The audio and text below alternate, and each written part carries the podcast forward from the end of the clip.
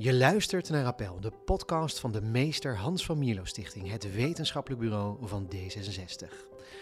Een podcast waarin we op zoek gaan naar vernieuwende sociaal-liberale ideeën en oplossingen voor politieke en maatschappelijke vraagstukken. Mijn naam is Daniel Schut. En dit zijn verhalen die zouden we moeten meegeven aan, aan huidige en toekomstige generaties, juist hier. Om te beseffen dat hoe wij leven, dat is problematisch en dat is geweld. Dat is terreur aan het leven op aarde. Als je het vraagt aan de Papua's. Maar dit is niet wat we leren. Dit is niet wat je bij welk klimaatdebat ook hoort. Maar dat is wel waar het over zou moeten gaan. Gedragsverandering samen met duurzame technologie vormen doorgaans de spil van de aanpak van de klimaatcrisis. We moeten korter douchen, minder vlees eten en onze CO2-uitstoot compenseren. Zonnepanelen en windmolens moeten zorgen voor duurzame energie. En bedrijven vestigen hun hoop op waterstof en andere groene vormen van productie. Volgens activisten en rijksambtenaar Raki Ab en universitair docent bestuurskunde Shivan Jagru zit er echter een flinke blinde vlek in het klimaatbeleid. Namelijk het besef dat de klimaatcrisis ook een koloniale crisis is. Duurzame oplossingen gaan vaak hand in hand met uitbuiting en uitsluiting van inheemse volkeren in landen als Indonesië, Suriname en Brazilië, zo stellen zij. Volkeren die juist heel goed weten hoe te leven binnen de draagkracht van onze planeet. Een rechtvaardig klimaatbeleid moet dan ook gepaard gaan met historisch besef van dit onrecht en rekening houden met de belangen van inheemse volkeren. Ja, en in deze aflevering van Appel praten we met Raki Ab en Shivan Jagru over klimaatbeleid en kolonialisme en wat er nodig is voor klimaatrechtvaardigheid. Van harte welkom beiden. Heel fijn dat jullie er zijn. Uh, Raki, even met jou te beginnen. Jij bent woordvoerder van de Free West Papua Campaign. Ja, klopt. ja leg eens uit. Waar, eh, waar strijden jullie precies voor en, en waarom? Ja, de Free West Papua Campaign is uh, zo'n twintig jaar geleden opgericht door Benny Wenda, een gekozen stamoudste die uiteindelijk het land is uitgevlucht. Zich heeft gevestigd in Oxford, Verenigd Koninkrijk. Die, die West-Papua is uitgevlucht? Ja, die West-Papua is uitgevlucht. Ja. Na, nadat hij in gevangenschap was gezet. En als hij er niet was gevlucht, dan was hij eh, waarschijnlijk vermoord, zoals vele andere soortgelijke activisten. Maar hij is ontvlucht en heeft toen in Oxford de Free Papa Campaign zo'n 20 jaar geleden opgericht. Ik was toen 16 eh, jaar ongeveer. Um, en uh, niet verlaten hadden wij de Nederlandse tak opgericht als tweede, tweede chapter, zeg maar. En inmiddels zijn we in heel de Pacific, eh, op verschillende landen in de wereld hebben wij um, ja, chapters opgericht. Mhm. En de visie is het recht op zelfbeschikking, wat ooit door Nederland was beloofd, uh, op de internationale agenda te zetten. En ook in Nederland natuurlijk als voormalige kolonisator een belangrijk doel van ons. en de missie is om de enorme stilte die er over is, de onbekendheid te doorbreken. Dus het onderwijzen van van wat er nog gaande is. En kan je ons misschien even heel kort meenemen in die geschiedenis? Je zegt die, die zelfbeschikking die door Nederland was beloofd. Ja, zeker. Um, uh, laten we zeggen, vanaf 1900 was Nederlands-Indië, dat kent iedereen nog wat, huidig Indonesië, onderdeel van het Koninkrijk. Na de terechte onafhankelijkheid van Indonesië kreeg West-Papua als huidige oostelijke provincie van Indonesië een aparte status, namelijk uh, Nederlands-Nieuw-Guinea. En in de decolonisatiegolf van de Verenigde Naties in het begin jaren 60 ging ook Nederland gelukkig daarin mee, met steun van de Papua's natuurlijk, uh, om, om uh, de laatste kolonie zeg maar, in de Oost, West-Papua, te begeleiden naar het recht op zelfbeschikking. We kregen uh, in 1961 kregen wij een landsvlag, een eerste regering, de Nieuw-Guinea-raad, een Papua vrijwilligerskorps, allemaal ter voorbereiding op die onafhankelijkheid, om vervolgens een jaar later in 1962, um, ehm, onder grote internationale druk weliswaar, van de Amerikanen werd uh, Nederland eigenlijk gedwongen, en ik snap dat ook wel in die tijd, uh, om West-Papua over te dragen uh, aan het huidige Indonesië. De soevereiniteit werd overgedragen. Zonder de betrokkenheid van de Papua's werd onze toekomst besloten. In een nutshell, en sindsdien zijn we onderdeel van Indonesië en begonnen eigenlijk de grove mensenrechten schendingen. Ja, ja, en misschien nog even uit interesse. Waarom zou West-Papua in eerste instantie wel die zelfbeschikking krijgen? Wat was er speciaal aan dat gebied, zeg maar, waarom het wel... Um, nou, als we de troonrede van uh, koningin, wijle koningin Juliana terugluisteren, die ik op YouTube vind in 1961, waarbij ze um, um, uh, benoemt het recht op zelfbeschikking behoort aan alle volkeren toe, ook aan de Papua's. Dus het internationale recht was hier ja, het leidraad, rode draad. Um, uh, maar dat werd dus anders door de geopolitieke omstandigheden. En ja, wij betaalden daar de hoogste prijs voor. Ja, ja, ja oké. Okay. ja, ja jij, jij, onderzoekt de, de, politiek van duurzame transities en klimaatbeleid. leg eens uit, wat houdt dat dan precies in? Um, ja, dat is een goede vraag. Uh, wat houdt het in? Nou, dat gaat uh, in principe over de vraag uh, wie, één, wie heeft de macht om te definiëren wat duurzaamheid is en wat een duurzame transitie is. twee, uh, wat zijn de, de, gevolgen daarvan en, en wie voelt dit? Want de duurzame transitie is natuurlijk in zekere zin gewoon een hele belangrijke transitie. Maar wie kan die richting bepalen en ook de snelheid? En wie heeft het voor het zeggen bij het ontwikkelen van bepaalde technologie, het, het formuleren van bepaalde oplossingen? Zowel op nationaal niveau, maar ook gewoon lokaal. Uh, denk aan de energietransitie. Um, en dus het gaat echt ook om de, de, um, de ongelijkheid die er eigenlijk was laat ik zeggen, die er altijd al is. Structurele ongelijkheid, maatschappelijke ongelijkheid, die er was voordat we het hadden over duurzame transitie. Um, in hoeverre wordt dat opgeheven door de duurzame transitie of wordt die verder bestendigd? dus je, ik heb het dan ook vaak over een, uh, het, vergroenen van ongelijkheid die er eigenlijk al was voor dat we het, had over, dat het hadden over de, de energietransitie of de, over de, klimaat, uh, de klimaattransitie. Dus het gaat echt over een machtsvraag. Uh, en die wordt vaak niet gesteld, omdat het heel vaak een, of een technische, een technologische, um, een technologisch verhaal is, of een managementverhaal, een sturingsverhaal. En dat past natuurlijk heel goed in de, in de poldercultuur van de Nederlandse politiek. Waarbij het echt gaat om um, akkoorden proberen te, te, formuleren en, en die conflicten een beetje te proberen te, te omzeilen. Mm -hmm. En dat is nu precies waar, waar ik in geïnteresseerd ben. Geïnteresseerd ben van welke conflicten zijn er en hoe worden die uh, hoe komen die tot, tot uitdrukking? Ja. En vanuit dat perspectief, hoe kijk je dan aan uh, tegen dat, uh, het verhaal wat Raki net vertelde, inderdaad, over mm. West-Papua? Ja, ja dat volgens, wat mij betreft is dat onderdeel van die. Van, van eigenlijk onderdeel van de duurzame transitie. In die zin dat het een. On, ja, het is een historisch perspectief wat vaak mist, wat vaak ontbreekt. Dus als we het hebben over duurzame transitie, denken van, oh, dat is net begonnen, onlangs begonnen. Maar het is een, een crisis van, een crisis in ons wereldbeeld. Hè. Het is een, een crisis die te maken heeft met hoe wij, uh, wij vanuit, ik zeg even wij, vanuit Noordwest-Europa hier uh, de natuur definiëren, grondstoffen definiëren, uh, technologie definiëren, wat problemen, dat je die kan oplossen hè, op een hele rationele manier. en dat is een hele westerse eurocentrische manier van nadenken over de ecologische crisis. En dat heeft een geschiedenis, hè, dat komt ergens vandaan. En de, dat, ja, die koloniale geschiedenis waar ook Rakje het over heeft, die kan je daar niet los van zien. Dus die twee losse, eh, ogenschijnlijk losse uh, vraagstukken, die hebben alles met elkaar te maken en die grijpen er in elkaar. En dat is wat mij betreft een heel belangrijk, uh, uh, belangrijk punt. Ja. En dan bedoel je dus de vraagstukken van de klimaatcrisis enerzijds en uh, de koloniale geschiedenis anderzijds? Ja, en die, de, de enerzijds anderzijds is dus in, ons, in, ons, in onze dat zou taal niet zo er. moeten zijn. Precies, het is dus eigenlijk onderdeel, het is een verlengstuk, het, het, het hoort bij elkaar. Dus als je kijkt naar de koloniale geschiedenis, uh, in, vanaf 1492, daar begon de klimaatcrisis eigenlijk al. Daar begon uh, het, het, het, vernietigen van een bepaalde wereldbeeld, dat mensen, mens-natuurrelatie... Vanaf 1492? Ja, de zogenaamde ontdekking van de Amerika's, zeg maar. Um, en daar begon eigenlijk al uh, het, het, het, op afstand zetten van de natuur buiten, um, buiten, buiten de witte, Europeaan, witte Europeaanse, uh, Euro Europese kolonisator. En um, hele inheemse gemeenschappen, ecosystemen, die werden dan op afstand geplaatst. Dat waren objecten, dat was niet onderdeel van de cultuur, maar het was onderdeel van de natuur. En dat was een, en dat was een legitimatie om die te objectiveren en die uh, eigenlijk te, nou ja, te, te, te, marginaliseren en ook uit te moorden, daar waar, daar, waar, daar waar nodig, om land te creëren. Als onderdeel van een plantage-economie die daar werd, werd uh, opge, uh, opgezet, opgezet. Dus ook oorspronkelijke natuur werd vernietigd, moet ik daar Ja. dan aan denken? Ja, ja, exact, exact. En, de- en, mhm. misschien ook dat mensen, eh, de, de inheemse mensen, ja, het is Mhm. moeilijk om daar goede woorden voor te vinden, Mhm, ehm, om buiten het koloniale kader te stappen, maar dus ook dat mensen in andere gebieden meer werden gezien als bron Ja. dan als mensen zelf. Ja, dus de, men- de me- mensen zelf, eh, First Nations peoples, eh, Ja. mensen die daar eh, culturen met hele manieren van leven, hele filosofieën, ontologieën, Hele bibliotheken vol aan kennis, die daar eigenlijk ook, ook al in, in de lichamen, in de cultuur eh, bestonden, die werden ge- gereduceerd. Ehm, en dat is natuurlijk ook de oorzaak geweest van uiteindelijk van de ecologische crisis, die wij nu in, hè, laat ik zeggen, midden 20e eeuw erkennen als ook echt een ecologische crisis, of vanaf, eigenlijk vanaf de jaren 80, 90 pas. Uh, en, uh, dus dat, het begon daar eigenlijk al.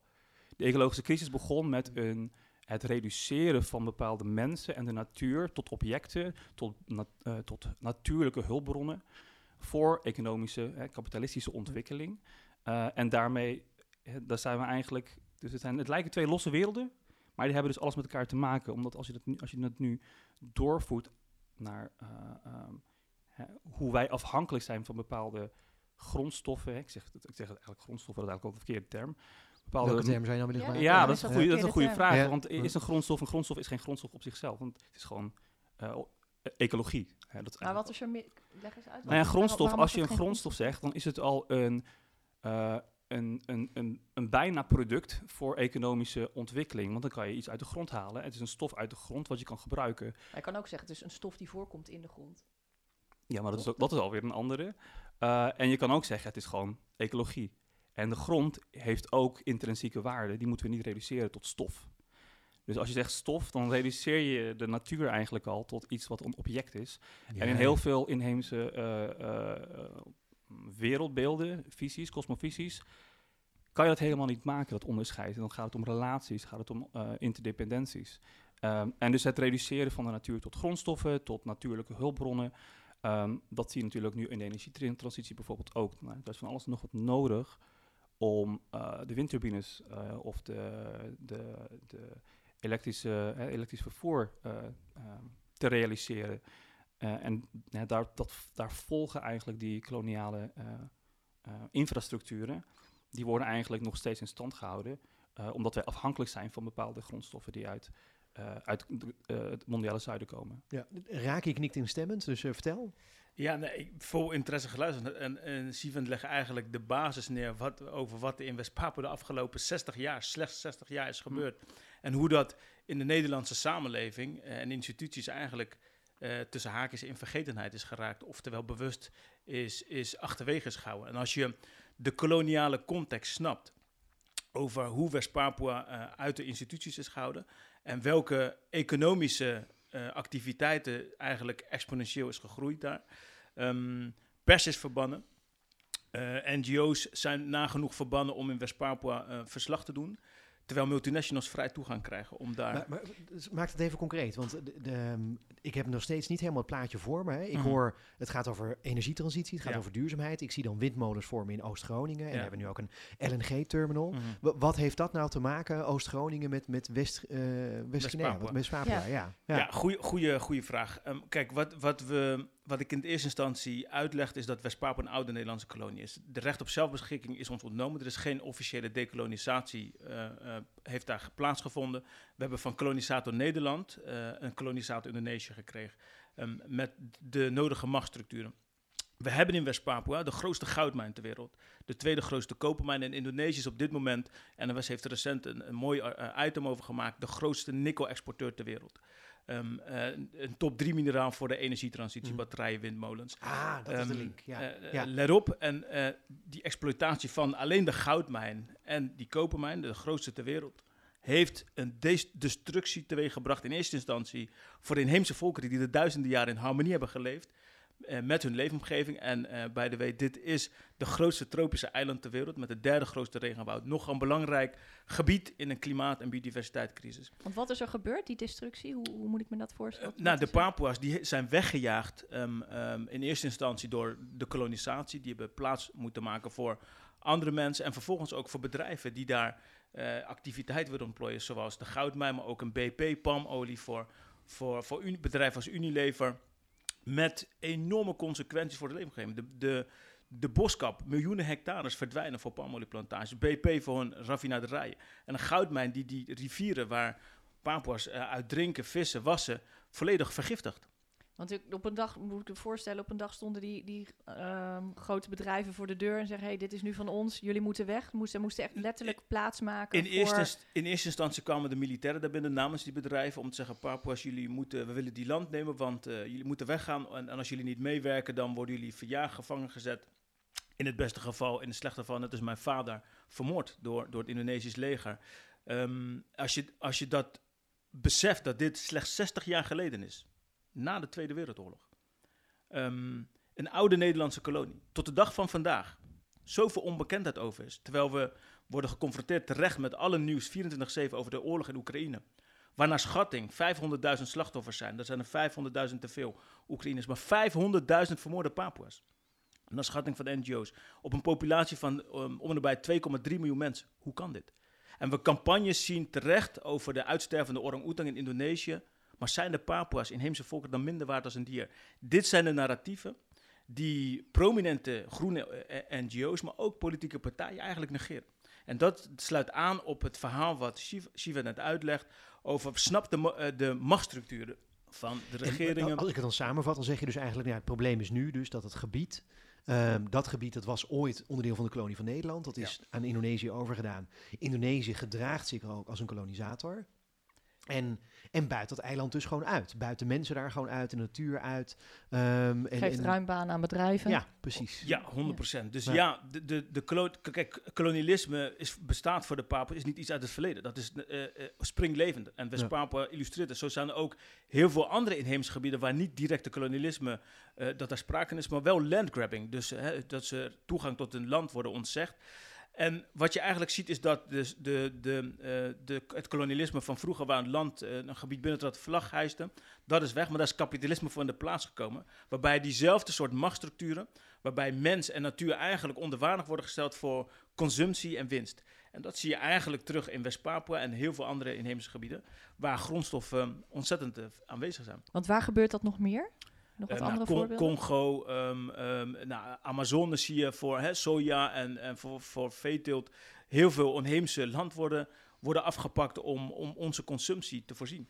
Eh, dus je ziet, ehm, wie, wie hebben daarvoor het zeggen? Nou, dat zijn deze grote co- conglomeraten, dan wel fossiele bedrijven die met de eh, Nederlandse regering en andere regeringen lobbyen en, en afspraken maken over hoe kunnen wij zorgen dat hè, de toestroom van deze grondstoffen blijven vo- voortduren.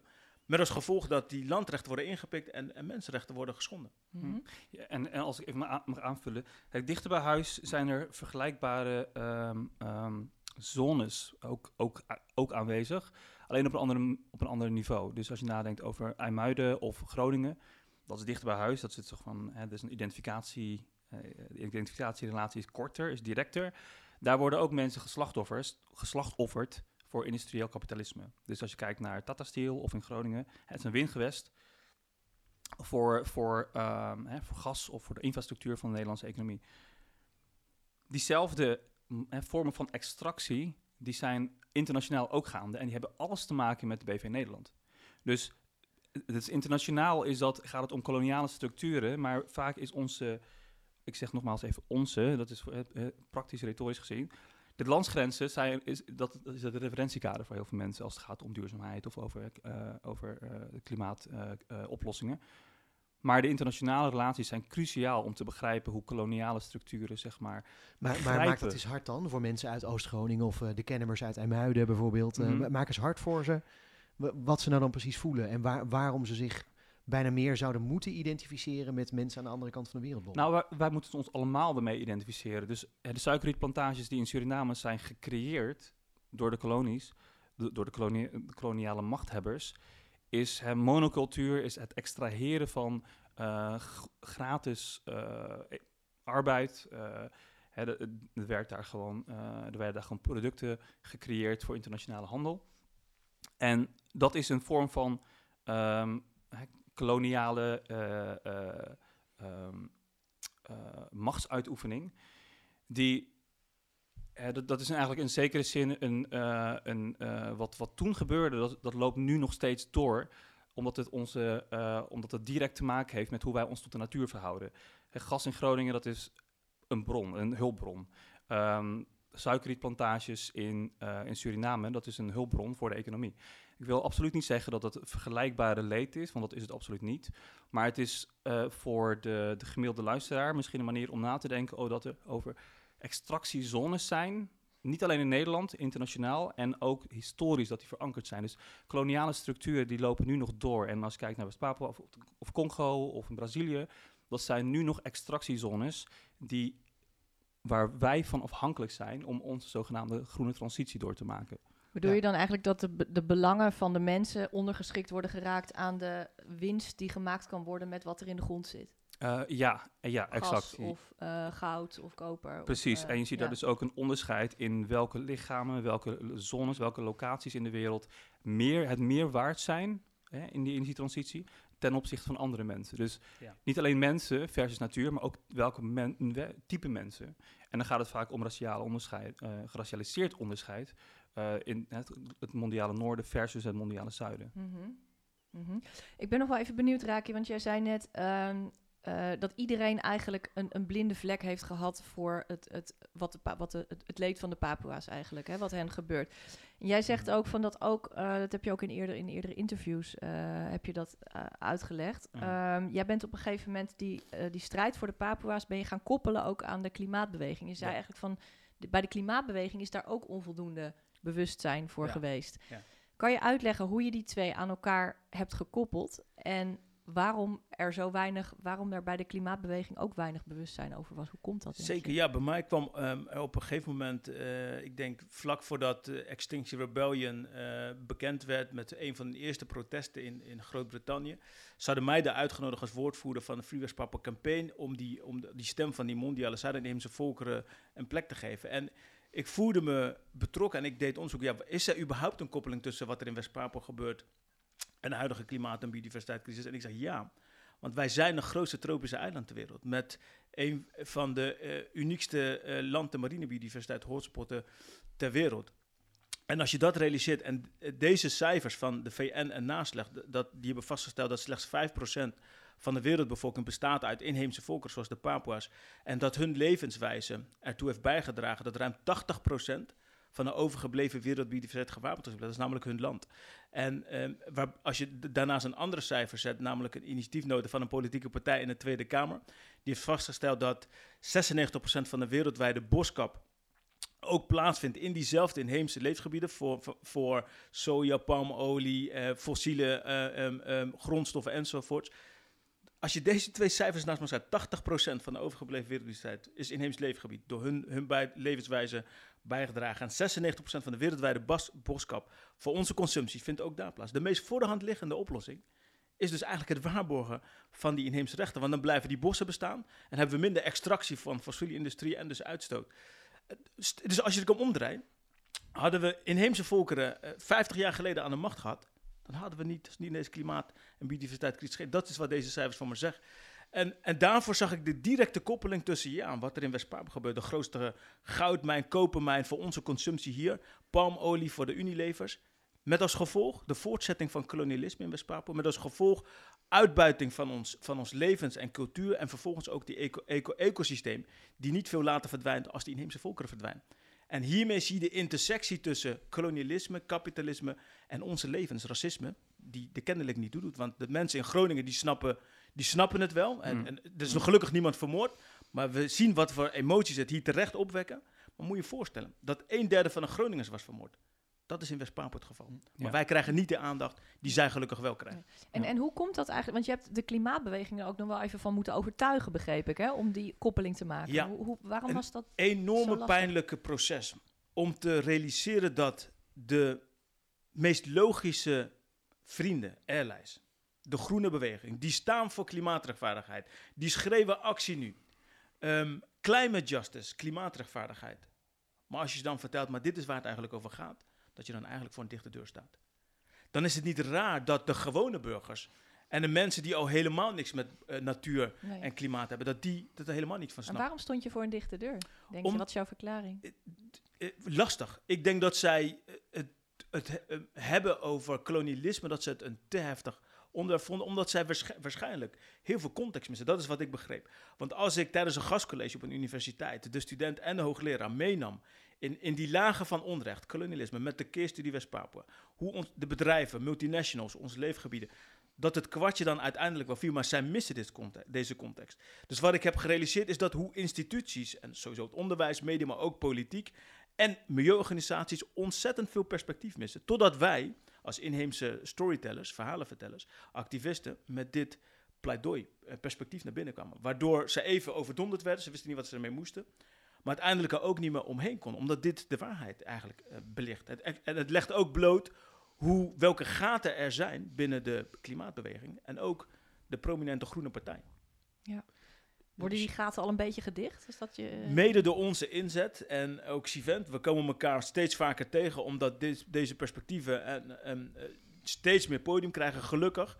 Maar het legt ook bloot dat ehm, eh, er nog een groot lange weg voor ons ligt. Omdat de mensen waarvan je verwacht dat zij de inheemse volkeren steunen, dat zij hun een stoel geven aan tafel, daar zijn we nog niet eens. Eh, laat staan dat de juiste oplossingen komen en de besluiten vallen, zonder dat zij, de, va- vanuit mijn optiek, de belangrijkste stakeholders in die energietransitie, dat die nog niet aan tafel zitten. Ja, dan, dan gaan we met de beste intenties, vermoed ik, toch weer de verkeerde keuzes maken.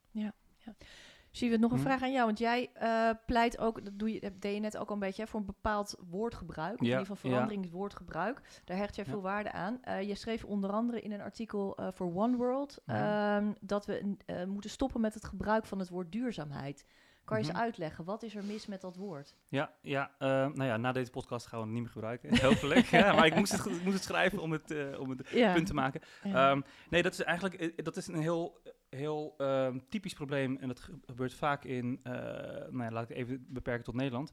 Ehm, dat we termen gebruiken, begrippen gebruiken die consensus creëren. Dus er moet vo- vooral geen conflict zijn. Er moet vooral geen politiek conflict ontstaan. Hè? Een beetje het, het pacificatie-idee, een beetje het polder- polder-idee. Wat duurzaamheid doet, duurzame ontwikkeling, al vanaf de jaren 80, jaren 90 vooral doet als term, is iedereen bij elkaar brengen. En hè, het idee dat we allemaal gezamenlijk ehm, ehm, eruit moeten komen. Want we zijn allemaal gezamenlijk onderdeel van het probleem. En we zijn allemaal gezamenlijk ook verantwoordelijk voor de oplossingen. Dus hè, vaak, de drie P's, people, profit, planet. Eh, we moeten met de bedrijven samen en vooral individueel, als dat kan, ook je steentje bijdragen. Een beter milieu begint bij jezelf.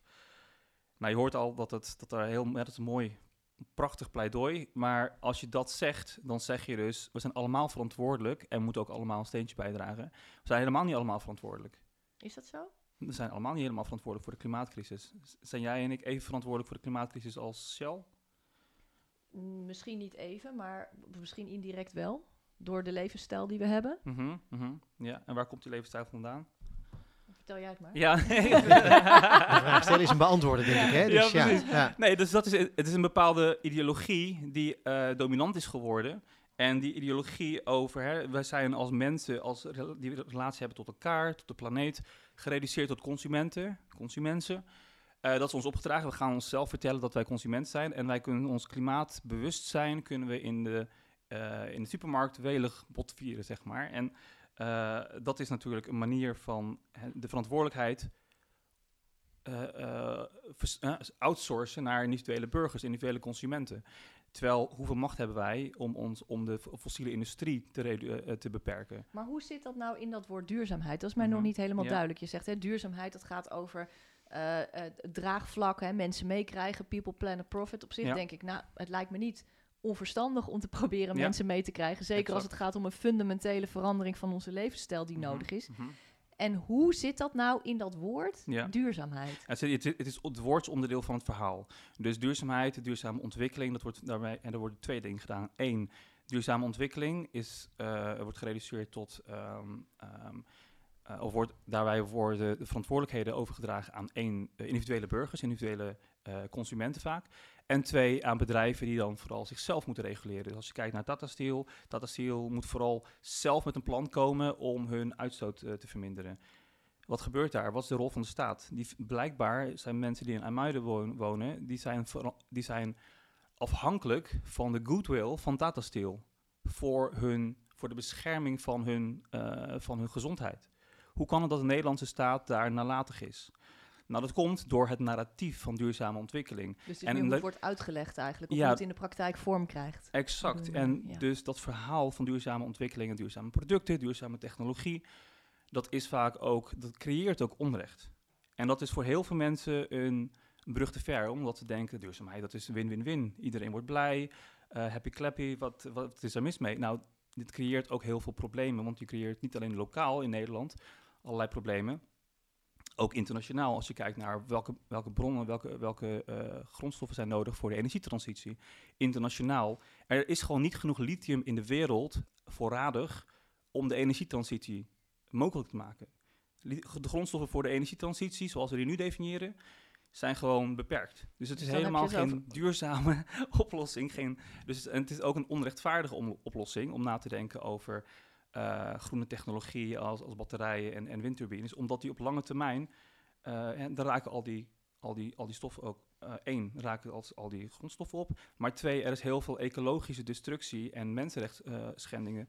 Ehm, gaat, dat gaat gepaard met die, met die energietransitie. Mhm. Dus duurzaam is niet altijd rechtvaardig. Sterker nog, je kunt beter het hebben over een rechtvaardige transitie dan een duurzame transitie, omdat je dan één begint met die kwetsbaarheid van mensen en grond en natuur, en twee, je denkt na over een uh, inclusieve, een sociaal-ecologisch mensbeeld en wereldbeeld die op lange termijn veel, uh, veel, uh, eigenlijk veel beter is voor iedereen. Mhm. Nou, nou zeg je dus eigenlijk dat duurzaamheid een soort marketingterm geworden is van grote bedrijven die tegen Mhm. ons zeggen consumeer het maar lekker verder en kijk vooral niet die kant op. Ja. Bijvoorbeeld in West-Papua, bijvoorbeeld in Congo, Ja. waar grondstoffen dus gebruikt worden en daarmee met die hele extractie eh, heel veel mensenrechten geschonden. Ehm, maar maar ik, ik haak even aan op een belangrijke zin die je zegt. Hè. Je, je zegt gewoon feitelijk, er is niet genoeg lithium om de hele transitie Mhm. mogelijk te maken. Mhm, mhm. Als we blijkbaar voor heel veel essentiële grondstoffen zoveel tekort hebben, Ja. dan is er toch geen enkel ander rechtvaardig alternatief meer? Nou, dat is, dat is de vraag. Misschien moeten we nadenken over andere eh, manieren van leven. Over Ja, de- andere, hè, dan moet je de input veranderen in plaats van de aan de achterkant. Dus onze manier van leven, onze leefstijl, als we dan niet zoveel energie nodig hebben, niet zoveel grondstoffen nodig hebben, dan heb je die, heb je die eh, afhankelijkheid ook veel minder. Maar, maar je zegt nu eh, niet zoveel, maar, maar definieer eens niet zoveel. Want je, je, je zegt nu van het komt door onze consumptie en die is misschien overmatig veel. En Mhm. voor sommige dingen kan het ook zeker zo gelden. Maar een merendeel van de Nederlanders zal nu zeggen, ja, eh, oké, misschien moet ik één keer, één keer een paar sokken minder kopen. Mhm. Ehm, maar ondertussen wil ik ook wel gewoon eten en mijn huis verwarmen. Ja, ja, nee, absoluut. nee, dat Daar heb ik, je toch ook ik. grondstoffen voor nodig? Ja, dus, nee, dat snap ja. ik. Ja, dat snap ik, ja. Nou ja, ik, ik bedoel, eh, als ik de oplossing had, dan zou ik hier, eh, zou ik hier niet zijn. Zou ik al veel geld verdienen ergens anders. Maar ehm, het is wel een... waar dan? Waar, waar zou je geld verdienen? Eh, ja, dat weet ik niet. Gewoon heel veel boeken schrijven en, heel Ja. veel- en lekker boektour doen. Ehm, eh, nee, maar wat, ik, wat belangrijk is, is dat we daar in elk geval een democratisch gesprek over hebben van... Oké, we moeten dus niet het, het, het mooie, rooskleurige, romantisch beeld van... Duurzame, energiebron, duurzame energietechnologie is de oplossing. Hè, dus elektrificatie van ons energiesysteem is niet per se de oplossing. Het is een manier van, een manier van nadenken over de oplossing, maar het creëert ook heel veel onrecht en heel veel, eh, heel veel geweld op afstand. Ja. En dat betekent dus dat we in elk geval daar van af moeten stappen op den duur, omdat het, het creëert ook heel veel, heel veel afval, heel veel bergen afval eh, eh, van, van zonnepanelen die op den duur gewoon op zijn, opraken. Dus er is een hele korte termijn oplossings, eh, eh, heel vreemd, een oplossingsnarratief bij, bij, vaak bij duurzame oplossingen. En wat daarvoor in de plaats komt, is denk ik veel meer eh, eh, lokale, regionale, democratische vormen van, van samenleven, waarin je energie, eh, eh, mobiliteit, eh, eh, eh, ehm, volkshuisvesting anders inricht.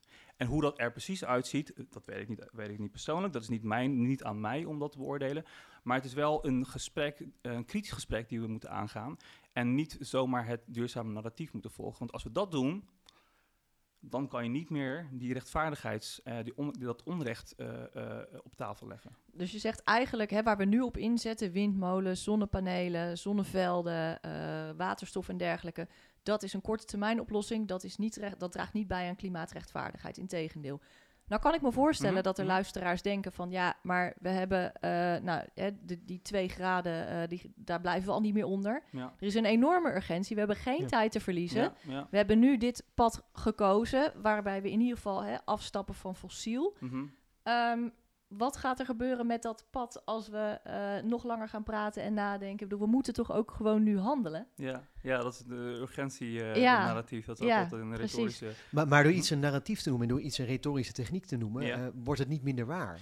Nee, nee, nee. het is wel gewoon waar dat we Ja, er zijn- willen ja, blijven. precies. Er zijn- we moeten Ja. blijven in het belang van ook de inheemse volkeren en ook Ja. alle andere volkeren. Ja. Want als we dat niet doen, gaan we er allemaal aan. Ja. Ik, ik zou daar graag een suggestie op, op Nou, ja. Heel graag. Kijk, eh, een alternatief, ehm, als we de wetenschap moeten luisteren, is eigenlijk consuminderen.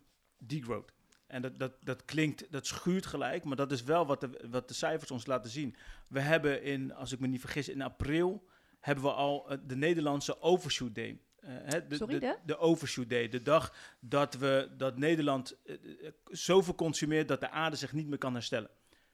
aan wat we Oh ja. consumeren, consumeren. En dat is Een soort van de grens aan de wat we aan grens kunnen. aan wat, Ja. we, wat de aarde kan, kan produceren per jaar. Dat hebben wij, dat heeft Nederlandse consumptie in april al bereikt. Ehm, dit laat zien hoe problematisch ons consumptiegedrag is.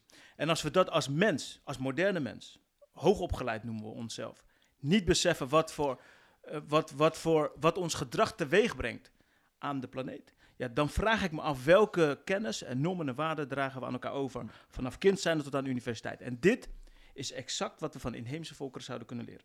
Ja, licht is toe. En, en het, het verhaal wat hierbij hoort is wat en elk kind vanaf het, het, wordt, het kan luisteren en horen van hun ouders en voorouders meekrijgen is hoe ga je respectvol om met je leefomgeving. Wat heb je voor vandaag nodig? Ehm, pak je een bepaalde plant voor, voor, voor je voeding, dan pak je, pak je alleen datgene wat je voor vandaag nodig hebt. Zodat de volgende dag en alle dagen daarna je kinderen en de volgende generatie kunnen meegenieten. Dit zijn heel basic de normen en waarden die we hier vanaf eh, de opvoeding, maar ook op elk onderwijsinstituut missen. Hoe ga je met elkaar om? it, it, it, it, it, takes, um, it takes a village to raise a child, zo'n slogan. Het is de dorp die een kind opvoedt. Uh, dit zijn normen en waarden dat als we dit overbrengen vanaf dag één aan welk kind dan ook, vanaf de basisschool tot aan de universiteit, dan is de output, de mens is heel anders. Dan ga je mm. wel um, met elkaar om. Dan snap je wel dat je in april niet zo meer kunt leven. Niet voor, je, voor, voor jezelf, voor je gezin, voor je nageslacht, maar voor alle mensen op aarde. Als je ook beseft hoeveel schade het brengt, as we speak, voor alle mensen aan de andere kant van de wereld. Of inheemse volkeren.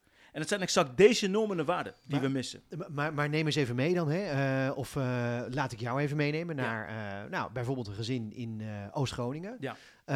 Um, twee ouders, twee kinderen. Ja. Um, ze zijn arm. Ze hebben gewoon een normale baan. Dus dan ben je arm in Nederland tegenwoordig. Want dat is met de stijgende prijzen is dat zo. ze doen hun best om een huis te verwarmen, maar het lukt niet. Want die gasrekeningen zijn gigantisch gestegen. Waar moeten zij dan nog consuminderen? Kijk, voor dit soort gezinnen is het natuurlijk niet, niet te, te brengen om daaraan deel te nemen. Maar dat is, heeft ook te maken met... Maar dit zijn de meeste Nederlanders die, nee, precies. en elke maand aan het eind zitten. Ja, ik heb geen geld meer. En, dit is... en ik heb dit soort mensen in mijn, in mijn omgeving. Ik woon zelf in, op, op een sociale huurcomplex. Dus ik ken die mensen. Mhm. die, hè, mensen die rood staan, die kunnen niet groen doen. Nee. Um, maar zij zijn niet degene. Dit zijn de mensen die het minst hebben bijgedragen aan de klimaatcrisis. Ja. De mensen die uh, waarschijnlijk geen twee auto's hebben. Dus zij zijn als slachtoffer, maar tegelijkertijd als zij context missen. Ik verwijt dit soort mensen niks. Nee, nee, want die kun je ook niks verwijten. Maar wie ik wel wat kan verwijten, zijn de mensen die de penschrijvers zijn over beleid. Over het de verhalen over de, de energietransitie. Maar het niet durven hebben over ons gedrag zelf als samenleving.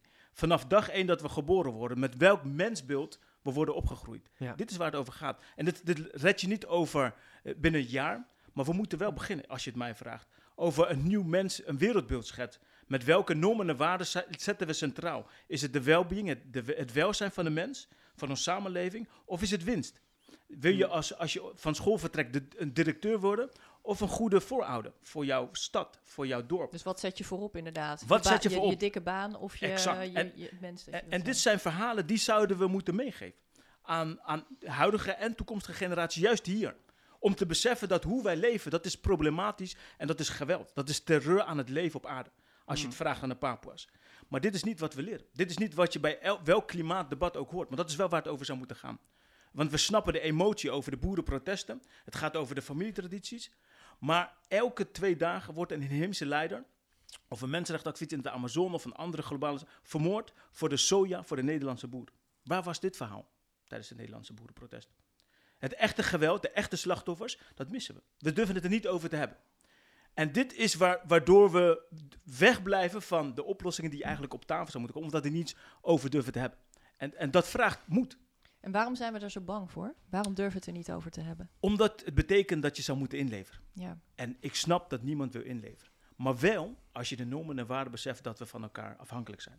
En als je beseft welke schade het aan mensen, in eerste instantie inheemse volkeren en andere mensen teweeg brengt. En, en, en vervolgens ook welke crisis het heeft veroorzaakt, deze consumptiedrang. Als je dat snapt en je hebt de normen en waarden die inheemse volkeren hebben, overal ter wereld, dan doe je dit met elkaar. Dan denk ik toch wel even weer aan wat jij net zei, uh, Sivent, die, die, die draagvlak, het draagvlak, hè, ja. het, het, ja. het, de, de, wil. Hoe, hoe, halen we, hoe krijgen we mensen zover? Hoe krijgen we mensen hiervoor aan boord? Want dat is wel nodig natuurlijk voor zo'n fundamentele verandering. Ja, ja ik, als ik even uh, erop aanhaken, het is, um, we moeten oppassen met het woordje we. Want kijk, eh, dat geeft Raak je ook goed aan. En ik vind het fijn dat we nu aan de klasanalyse doen.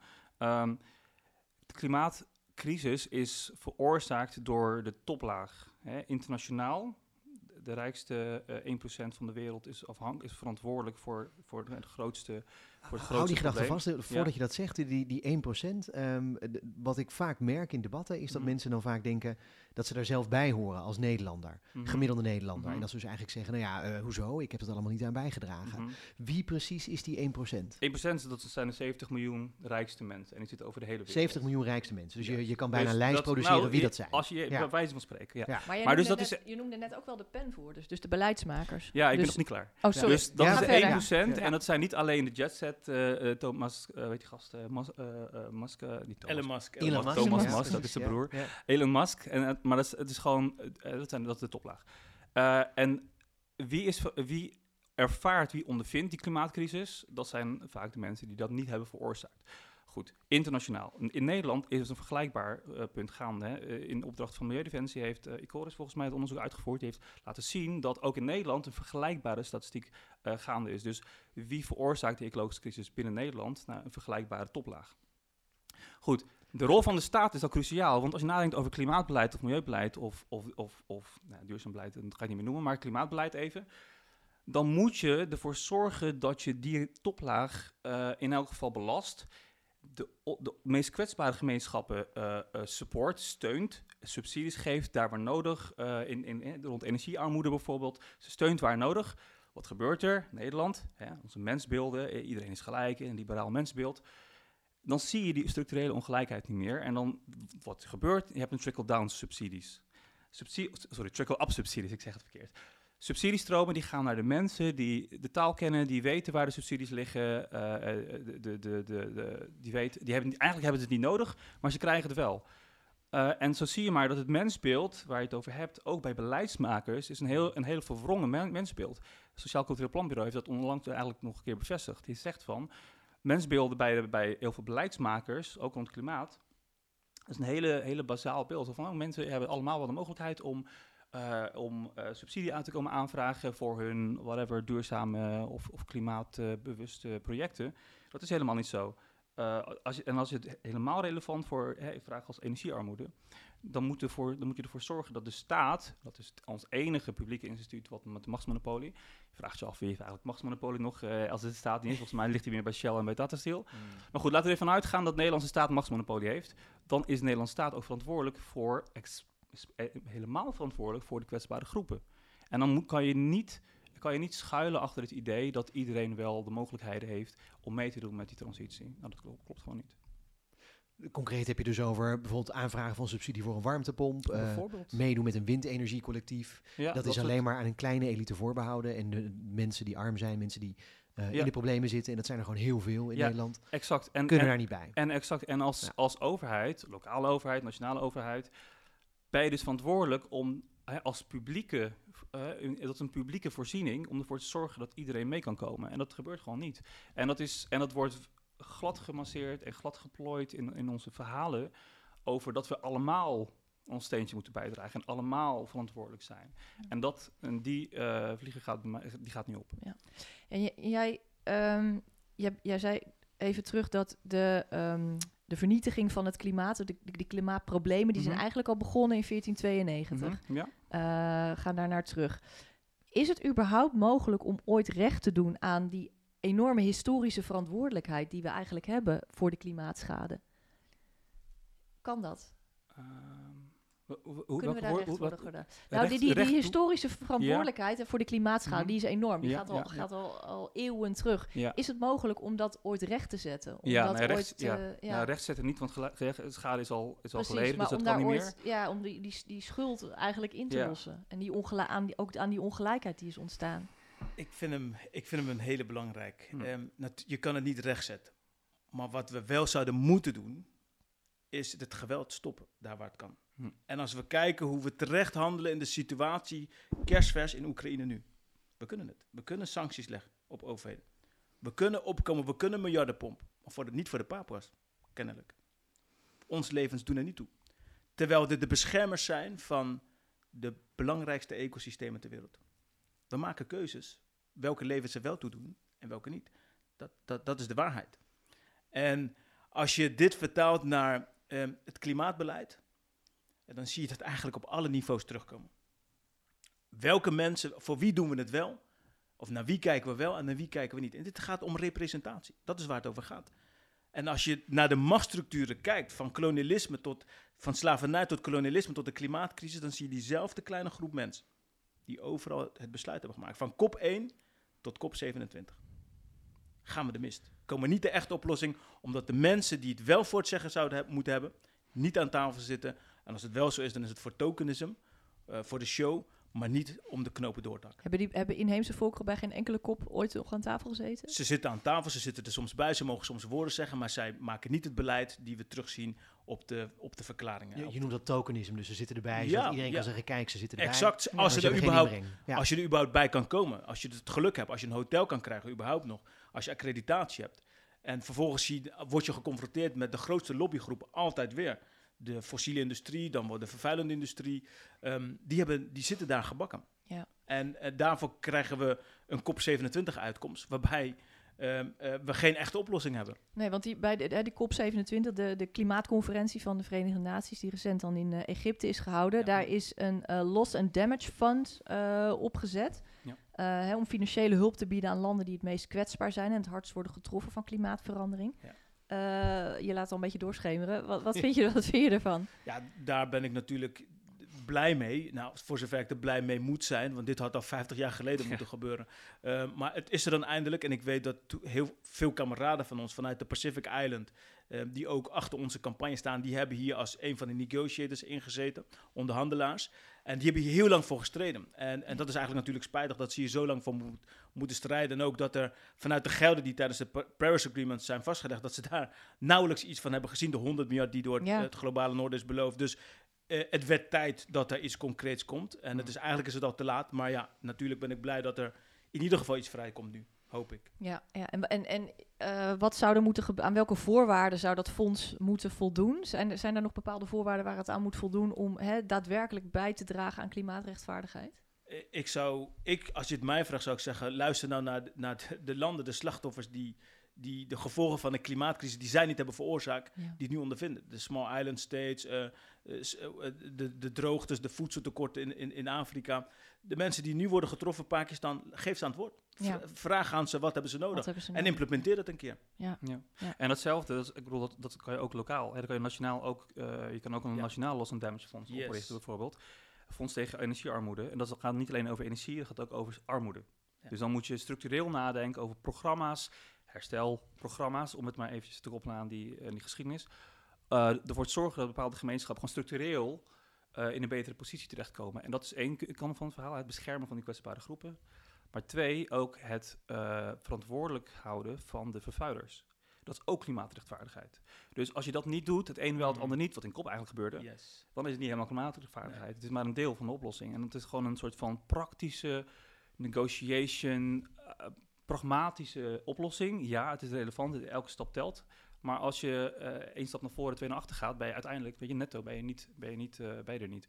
Dus je moet de, de grote industriële fossiele uh, um, bedrijven moet je ook aanpakken. Dat is, hoort bij het van een brede integrale aanpak, waarbij je klimaatrechtvaardigheid tot beleid maakt. Ja. Waarbij je dus als staat weer de verantwoordelijkheid neemt die je eigenlijk hebt. Je bent überhaupt opgericht als staat om ervoor te zorgen dat mensen niet buiten de boot vallen. En zelfs dat doe je niet. You only have one job. En ja. zelfs dat gaat, uh, gaat, gaat niet. Dus we moeten eigenlijk de staat terugpakken. Ja. ja, dat is misschien een mooi bruggetje naar uh, de vaste slotvraag, Precies. waar we alweer zijn, zijn aanbeland. Stel, jullie zijn uh, minister in het huidige kabinet en dan van klimaat en energie is misschien een passende post. Wat zouden jullie nou als eerste doen? Wat zou je morgen doen om klimaatrechtvaardigheid dichterbij te brengen? Ik zou de inheemse vertegenwoordigers in Nederland als minister-president van Nederland bij elkaar brengen om te kijken hoe gaan wij ervoor zorgen dat de zeggenschap die wij uh, uh, jaren geleden hadden moeten hebben, gaan implementeren in elk um, uh, klimaatbeleid. Of het nou de energietransitie is, biodiversiteit, ecosysteemrestauratie. Zij zijn de belangrijkste stakeholders in alles wat we doen. Want het heeft vaak, dat blijkt uit een artikel van recent ook weer, de energietransitie vindt plaats op 50% van inheemse volkeren. Um, dat is nogal wat. Dus um, inheemse volkeren uh, als prominente speler bij welk klimaatbeleid dan ook. Ja, mooi. Dankjewel. Shivent. Ja, ik zou, eh, ik zou Raki het woordje laten doen. nee, ik zou, eh, ik denk de, eh, de liberalisering van de energiemarkt terugdraaien, dus energie nationaliseren weer. Eh, stap 1. En stap 2 is energiearmoede tegengaan eh, met een herstelprogramma. Mooi. Dat zijn gewoon concreet, ja, ik bedoel, Ja. we zijn hier ook wel voor, om af en toe om concrete dingen te roepen. Heel dus, goed, eh, heel ja, graag. goed. Ja, Ja. dankjewel. Zo gaan we van 1492 concreet naar 2022. Precies. Hey, eh, hartelijk dank Raki en Shivent voor dit interessante gesprek. En wij hebben er erg van genoten. Beste luisteraar, vergeet niet je te abonneren op de podcast, als je dat nog niet hebt gedaan. Want over twee weken dan zijn we alweer terug met een nieuwe aflevering. Tot dan!